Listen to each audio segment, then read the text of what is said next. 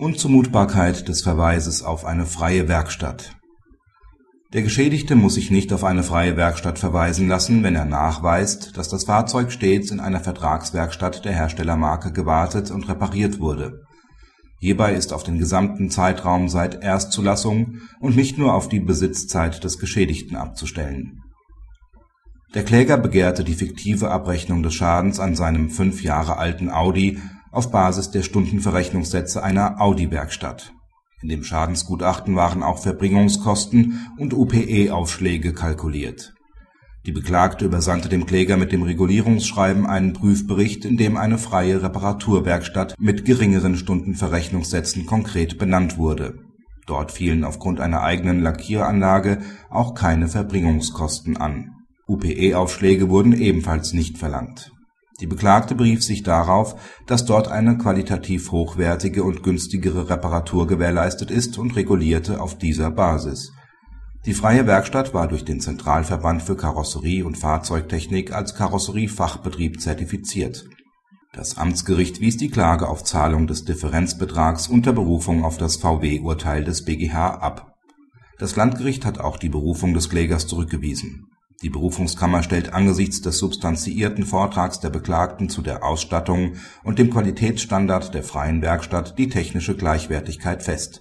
Der Kläger hat den Vortrag nicht im Einzelnen bestritten, so dass dieser nach § 138 Absatz 3 ZPO als zugestanden galt.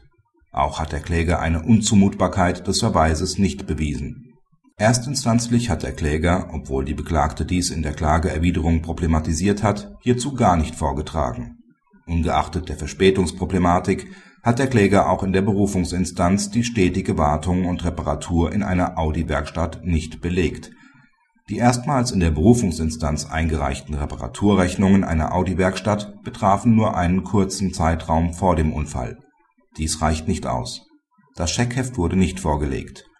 Soweit der Kläger eingewandt hat, dass er das Fahrzeug erst kurze Zeit vorher erworben hat, ist dies unerheblich Entscheidend ist nicht die Besitzzeit des Geschädigten, sondern dass das Fahrzeug in der gesamten Zeit seit Erstzulassung in einer Markenwerkstatt gewartet und repariert wurde. Anders ist das VW-Urteil des BGH nicht zu verstehen. Der sechste Zivilsenat stellt darin auf das Vertrauen des Markts in die Wartung und Reparatur durch eine markengebundene Fachwerkstatt ab. Dieses Vertrauen besteht allein dann wenn das Fahrzeug seit Erstzulassung stets in einer markengebundenen Werkstatt des Herstellers gewartet und repariert wurde. Auch wenn man nicht auf das Verkaufs sondern das Kaufinteresse des Geschädigten abstellt, wird das Ergebnis bestätigt.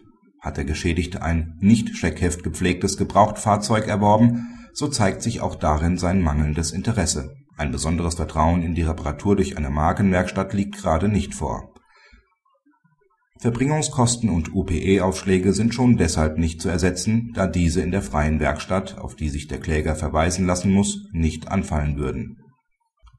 Praxishinweis Das Urteil des Landgerichts setzt die neue BGH-Rechtsprechung zum Werkstattverweis aus dem VW-Urteil und dem BMW-Urteil konsequent um. Zutreffend ist auf die gesamte Fahrzeughistorie abzustellen Ansonsten würde eine einmalige Wartung in einer Markenwerkstatt nach Erwerb eines gerade nicht Scheckheft gepflegten älteren Pkw dazu führen, dass der Verweis auf eine freie Werkstatt unzumutbar wird. Das Landgericht bezeichnet dies als sinnwidrig. Etwas anderes würde auch der vom sechsten Zivilsenat in den beiden Entscheidungen aufgestellten differenzierten Betrachtungsweise widersprechen. So sind schließlich auch die Garantien des Herstellers daran geknüpft, dass das Fahrzeug stets in einer Markenwerkstatt gewartet wird Richtig ist auch die Abhängigkeit der Verbringungskosten und UPE-Aufschläge von einem zumutbaren Verweis. Wenn sich der Geschädigte auf die günstigeren Stundenverrechnungssätze einer freien Werkstatt verweisen lassen muss, hat er als Folge der Schadensminderungspflicht auch keinen Anspruch auf dort gar nicht anfallende Verbringungskosten und Ersatzteilaufschläge. Auf die ewig streitige Frage, ob diese Positionen grundsätzlich fiktiv ersatzfähig sind, kommt es dann gar nicht an